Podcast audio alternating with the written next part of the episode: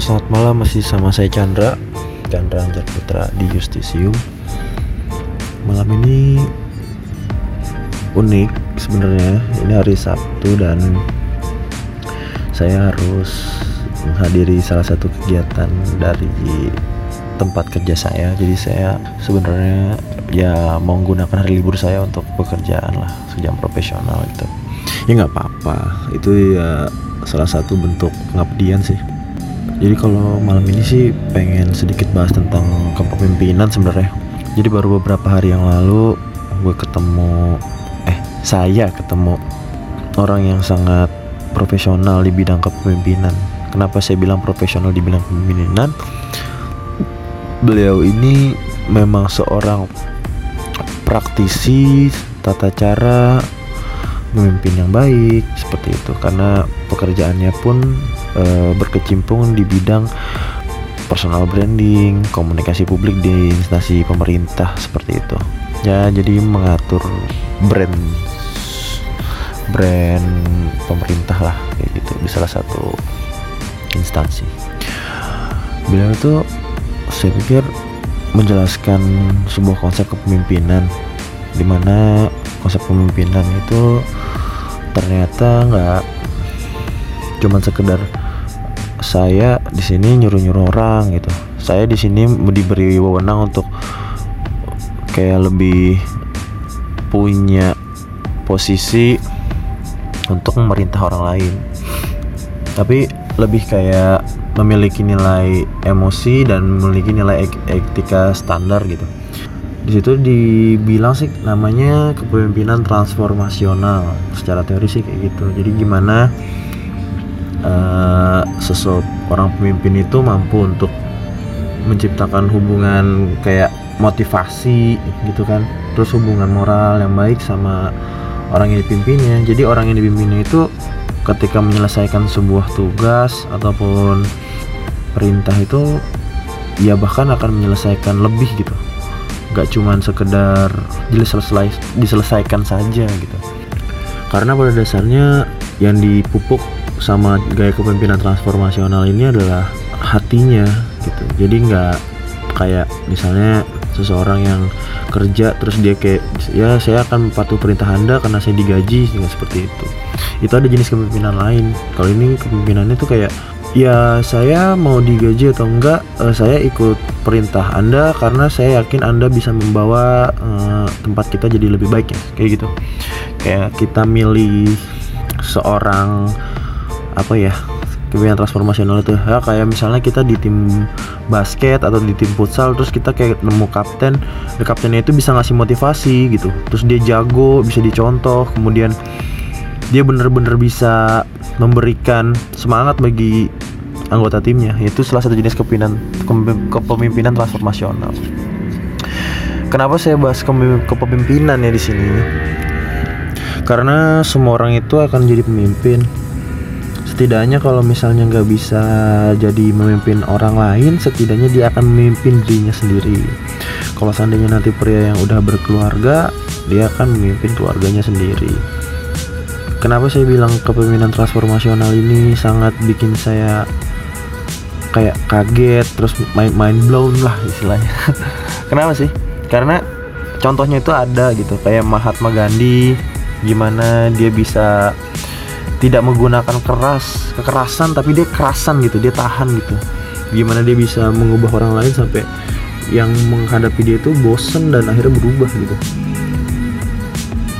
Dan banyak juga ciri-ciri orang yang bisa memotivasi orang lain kayak gitu. Pimpinan-pimpinan di luar sana gitu. Sebenarnya sih yang jadi bahasanya nggak harus kita nyontoh yang jauh-jauh sih kayak kalau misalnya kita ngelihat seorang suami terus dia bisa bikin istrinya sayang sama dia terus dia bisa jadi bikin anak-anaknya respect hormat sama dia dan bisa menjadi contoh bagi keluarga yang baik bisa menjaga keharmonisan rumah tangga itu udah jadi kayak salah satu jenis kepemimpinan transformasional sih. Karena dia bisa merubah sikap keluarganya jadi lebih baik. Tapi kepemimpinan transformasional ini sebenarnya ada juga yang menggunakan caranya itu secara tidak baik. Kayak kepemimpinan yang menggunakan tata cara ini tapi digunakan untuk kepentingan dirinya sendiri gitu. Namanya disebutnya sih kayak kepemimpinan pseudo transformasional nah kepemimpinan pseudo transformasional ini sebenarnya sama prosesnya gitu. Dia membuat orang lain itu berubah gitu sesuai kemauan dia. Tapi caranya ya pakai cara dia dan hanya untuk memenuhi tujuan dan ambisi dia gitu. Karena saya bilang karena itulah kemampuan kepemimpinan gitu. Makanya kepemimp jadi pemimpin itu nggak semuanya gini. Pemimpin yang jahat tapi caranya bener dia tetap bisa jadi pemimpin yang jual hebat gitu tapi jahat. Nah pemimpin yang baik tapi caranya salah ya dia nggak akan bisa memimpin dengan baik ininya gitu jadi kalau kepemimpinan itu kayak tools atau dibilang kayak jalan, kayak tata cara sih itu. Gimana caranya dia bisa ada di depan ataupun eh ya di depan mencontohkan ataupun dia berada di, di belakang untuk mendorong uh, anggotanya untuk bisa ber, menyelesaikan tujuan ya, mencapai tujuannya gitu. Dan jadi poin di sini adalah kepemimpinan pseudo transformasional ini banyak banget di ampu sama diktator-diktator lama. Kalau misalnya tahu Hitler kayak gitu terus kayak katanya si Mussolini kemudian Fidel Castro gitu. Mereka dia dihormati sama anak buahnya sama sama iya ya tentara-tentaranya gitu dihormatin memang. Karena memang mereka cerdas dan mereka jago banget. Cuman tujuan mereka itu yang nggak baik dan itu hanya untuk memuaskan ambisi pribadi mereka gitu. Tapi itu pandangan saya secara subjektif untuk bisa bilang bahwa itu untuk memenuhi kepentingan pribadinya si apa ya si orang-orang tersebut mungkin aja di saat itu dia dianggap sebagai seorang pahlawan karena orang eh, orang-orang tersebut mungkin memberikan harapan bagi para pengikutnya gitu atau bahkan memberikan sebaliknya memberikan rasa takut sehingga mereka bisa loyal gitu. Nah itulah namanya kepemimpinan pseudo transformasional. Nah Pak Arias ini yang kemarin ngajarin ngajarin kami itu bilang bahwa bentuk kepemimpinan yang macam seperti ini sangat buruk apabila diikuti sama generasi muda saat ini gitu. Karena peran media sosial gitu kayak sangat bener-bener apa ya uh, berperan banget lah ya berperan penting lah media sosial tuh kalau untuk mempengaruhi orang lain. Soalnya gini kepemimpinan itu cuman urusan pengaruh gitu. Kalau kita udah bisa mempengaruhi orang lain ya otomatis setelah tiga uang kita pasti udah bisa mimpin mereka gitu. Kalau kita kita nggak bisa mimpin orang kalau orang-orang itu nggak terpengaruh sama cara-cara kita gitu. Nah itu. Makanya kalau misalnya kayak ada influencer influencernya itu negatif. Maksudnya negatif di dalam konteks norma atau nilai yang diacu sama kita ya. Soalnya emang itu juga relatif kan. Ya itu yang nggak yang dianggap nggak sesuai sama norma-norma masyarakat di Indonesia lah gitu. Ya itu diikuti kan dia pasti sama sama pengikutnya followernya gitu. Secara nggak langsung itu mereka adalah pemimpin gitu pemimpin-pemimpin saat ini. Karena mereka diikuti karena mereka berpengaruh.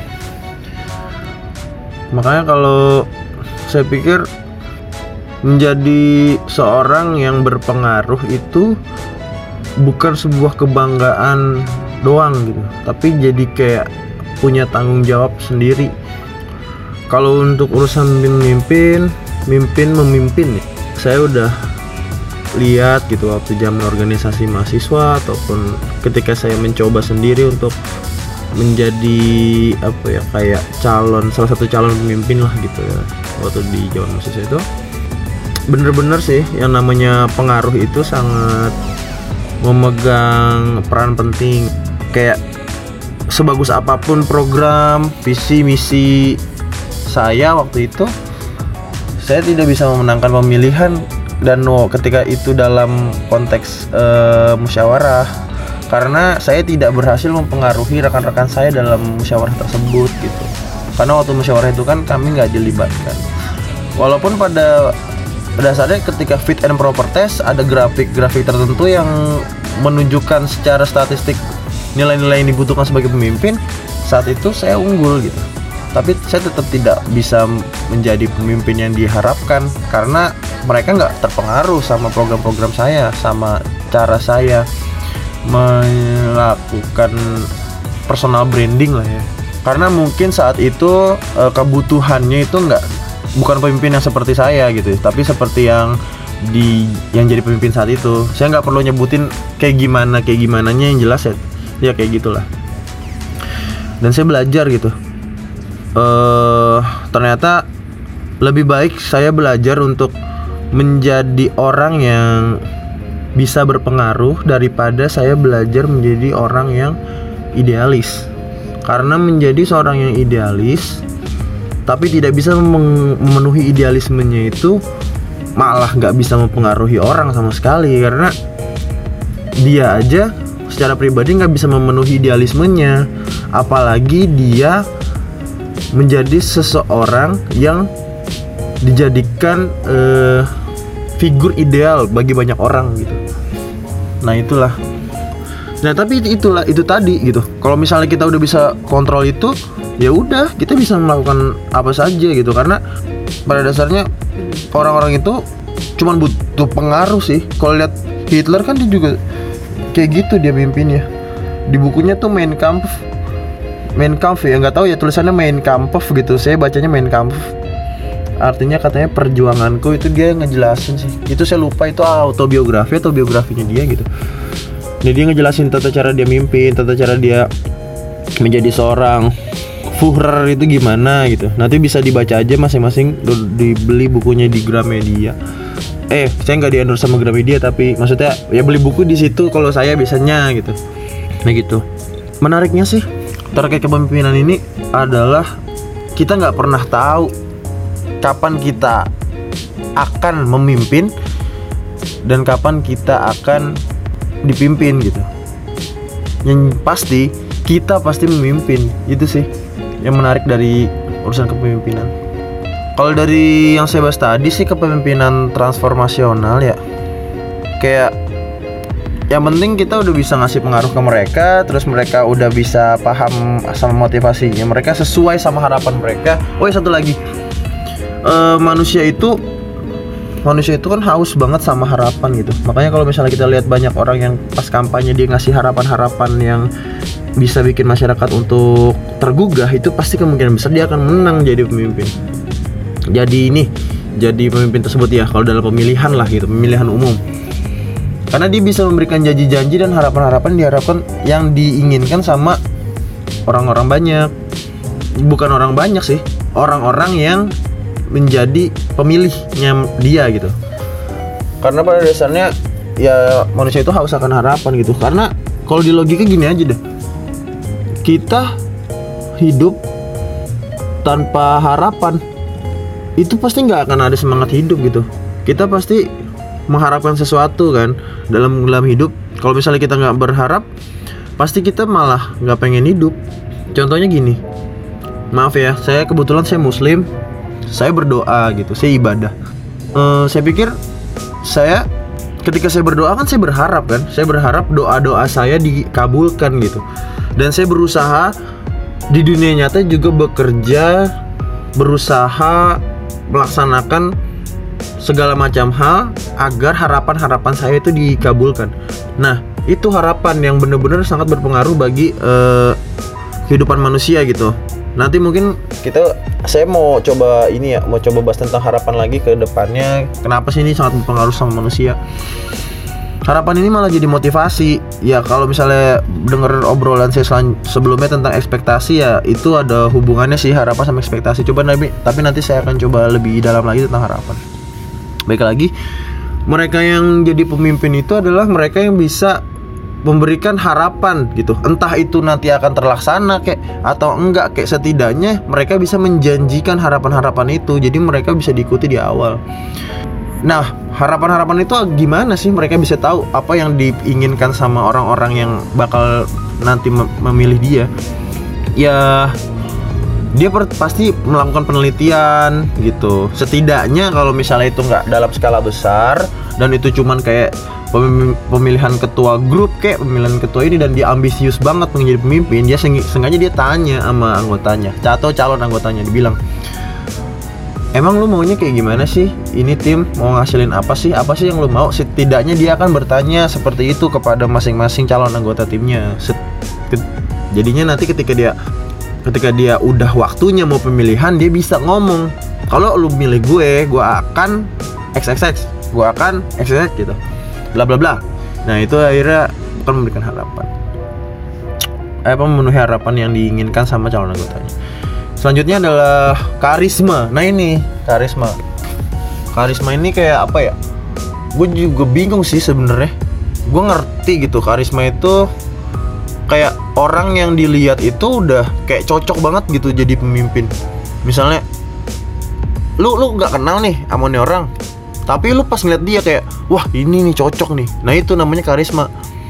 Dan itu gift ya pemberian Tuhan yang maha kuasa gitu kayak nggak semua orang sih kayak punya karisma gitu. Tapi belum tentu juga kayak misalnya gue punya ini nih misalnya partner gue lah partner kerja gue yang paling mantap bag bagas lah.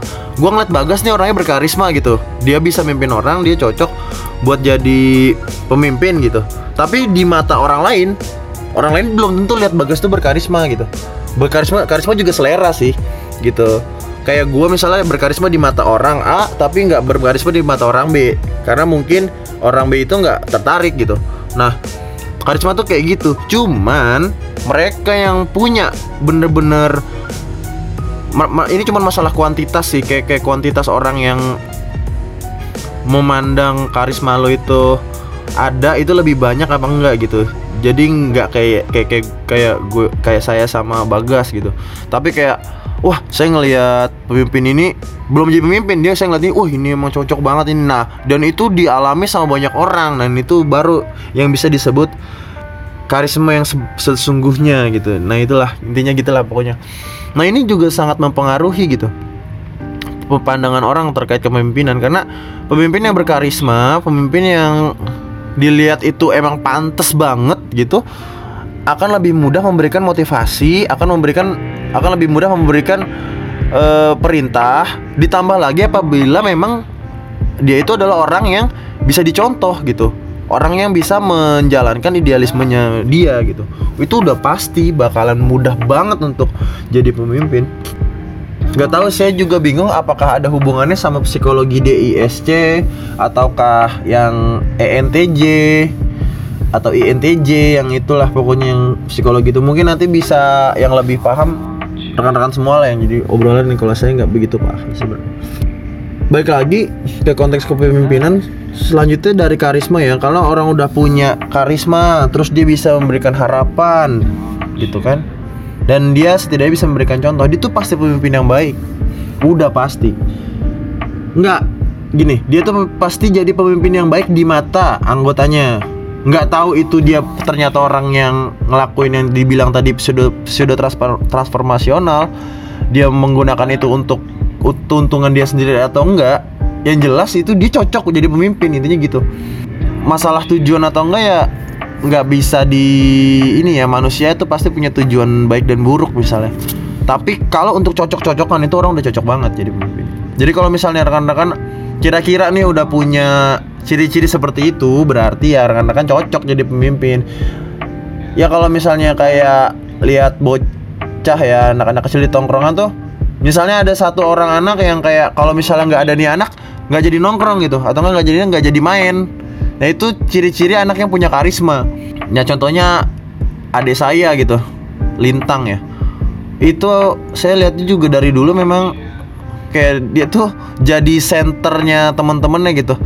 Kayak kalau misalnya di ada ada desa jadi rame gitu. Cuman yang jadi yang pengaruh ya kayak dia jadi sering main mulu gitu tapi ya saya lihat itu namanya karisma sih seperti itu.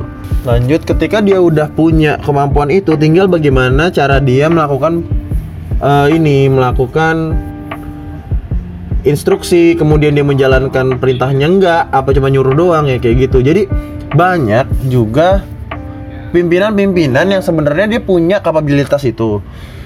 Bisa uh, punya karisma terus dia bisa memberi harapan dia bisa nyontohin tapi nggak konsisten. Nah yang aspek terakhir itu konsisten.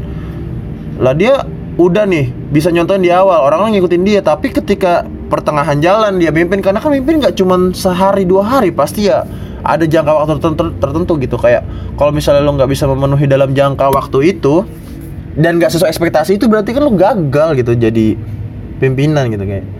Gitulah intinya. Nah konsistensi itu sangat penting gitu. Bagaimana seorang pemimpin itu bisa konsisten dalam memimpin. Tapi tetap ya dengan tentu dengan mempertahankan apa idealismenya dia bisa menjalankan idealismenya dia memberikan harapan dan karismanya tetap ada gitu. Nah saya juga kayaknya masih perlu mempelajari lagi tentang karisma ya. Nah nanti kalau misalnya dia udah bisa menjalankan itu semua sampai konsisten orang-orang yang dipimpin oleh dia akan muncul rasa namanya hormat gitu. Hormat respect apalah itu namanya. Pokoknya dia akan memiliki kehormatan tersendiri gitu. Karena itu dia dapatkan gitu. Jadi hormat itu bukan sesuatu kayak oh karena anda lebih tua dari saya anda lebih gitu. Ya itu norm hormat yang normatif. Tapi hormat yang sebenarnya adalah bagaimana kita bisa mendapatkan dan layak mendapatkan kehormatan itu dari orang lain. Kalau menurut saya sih kayak gitu makanya kalau misalnya kita eh ya si pemimpin itu udah bisa memenuhi empat aspek itu tadi yang pertama dia bisa memberi harapan. Yang kedua, dia karismatik. Yang ketiga, dia bisa menjalankan apa yang dia perintahkan. Yang keempat, dia konsisten dan kelima, dia otomatis pasti dihormati. Nah, itu menurut saya ada lima aspek kepemimpinan yang penting dalam ini ya dalam konteks kepemimpinan transformasional. Soalnya kalau transformasional itu kan berubah orang.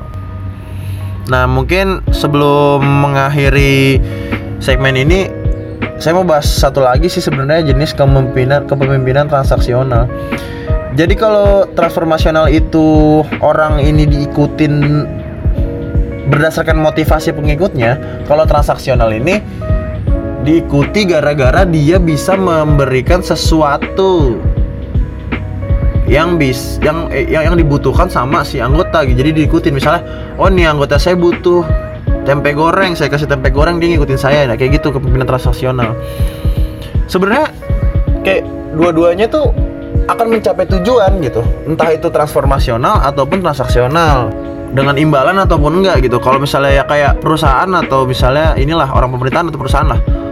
Kalau nggak digaji mungkin nggak akan kerja gitu. Atau kan dia kan dia kerja itu karena dia digaji dan dia itu ngikuti arahan pimpinan karena dia digaji. Itu namanya transaksional juga gitu.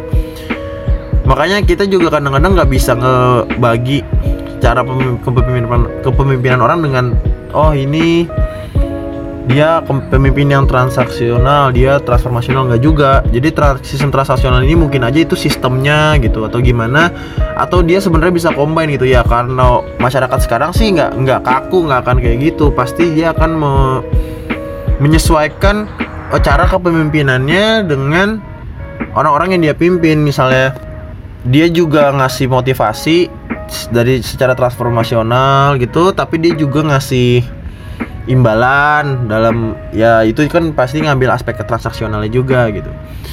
Nah balik lagi kalau misalnya dalam kasus transaksional orang-orang ini kayak mereka tuh kayak bakalan memenuhi tujuannya ya udah sesuai aja gitu sama ininya sama targetnya karena dia dibayar atau dia diberikan imbalan hanya sebatas untuk menyelesaikan tugas itu gitu. tapi kalau transformasional orang-orang itu akan menyelesaikan kemungkinan besar lebih dari hasil yang diharapkan. Kenapa? Karena apa ya? Karena dia ngerasa kerjaan yang dilakukan itu memang bermanfaat gitu karena orang-orang pimpinan transformasional itu bisa meyakinkan orang-orang ini bahwa tujuannya Anda mengerjakan perintah saya itu bukan untuk saya gitu tapi untuk diri Anda makanya dia orang-orang ini yang dipimpin orang pemimpin transformasional ini bakalan bisa melakukan itu. Ya itu lagi. Jadi itu cuman saya menjelaskan bentuk kepemimpinan transformasional dan transaksional dan itu kayak apa ya bukan sesuatu yang jadi patokan. Ya tadi misalnya oh saya orang transformasional oh saya bukan orangnya transaksional. Enggak enggak gitu juga. Jadi itu akan digunakan sama kita sebagai manusia dengan luas gitu. Butuhnya kayak gimana kita akan bisa menyesuaikan terutama orang-orang yang udah terlatih. Makanya banyak kan buku-buku dari bukunya Dale Carnegie. Itu tentang kepemimpinan. Itu banyak banget caranya memimpin dan caranya komunikasi. Yang terakhir banget buat saya pribadi dan buat rekan-rekan semua ketika jadi pemimpin atau ketika kita persiapan untuk jadi pemimpin atau ketika kita memimpin diri kita sendiri belajarlah untuk mendengarkan. Karena dasar dari semua bentuk komunikasi itu adalah mendengarkan. Kita diciptakan oleh Tuhan yang Maha Kuasa memiliki dua telinga dan satu mulut itu punya makna gitu. Kita harus lebih banyak mendengarkan daripada kita berbicara. Itu sih maknanya kalau yang saya pahami ya secara subjektif. Itu aja. Ketika kita jadi pemimpin kita bisa mendengarkan kita bisa memberikan keputusan lebih baik karena kita memiliki banyak pertimbangan. Dibandingkan kita hanya menjalankan sesuai dengan uh, hemat kita sendiri gitu. Egois gitu. Ya walaupun mungkin kita merasa oh ya saya udah mampu ya. Saya udah sukses. Saya udah bisa melakukan ini berkali-kali gitu. Saya nggak perlu masuk orang lain itu ya salah. Karena pada dasarnya bentuk kepemimpinan kom itu dasarnya sama komunikasi ya. Komunikasi itu kan urus bulannya pengaruh kan. Nah itu didasari sama mendengarkan. Kalau kita tahu kita mendengarkan kita bisa memenuhi harapan mereka ekspektasi mereka itu aja terima kasih udah bisa dan mau bisa dan mau ngobrol bareng sama saya. Ini mungkin ngobrolan yang saya lakukan pertama kali tanpa ada partner ngobrol karena kebetulan memang malam ini saya lagi nggak ada partner ngobrol ya jadi pe tapi pengen cerita-cerita gitu. Terima kasih. Uh, mudah-mudahan bermanfaat. Sampai jumpa.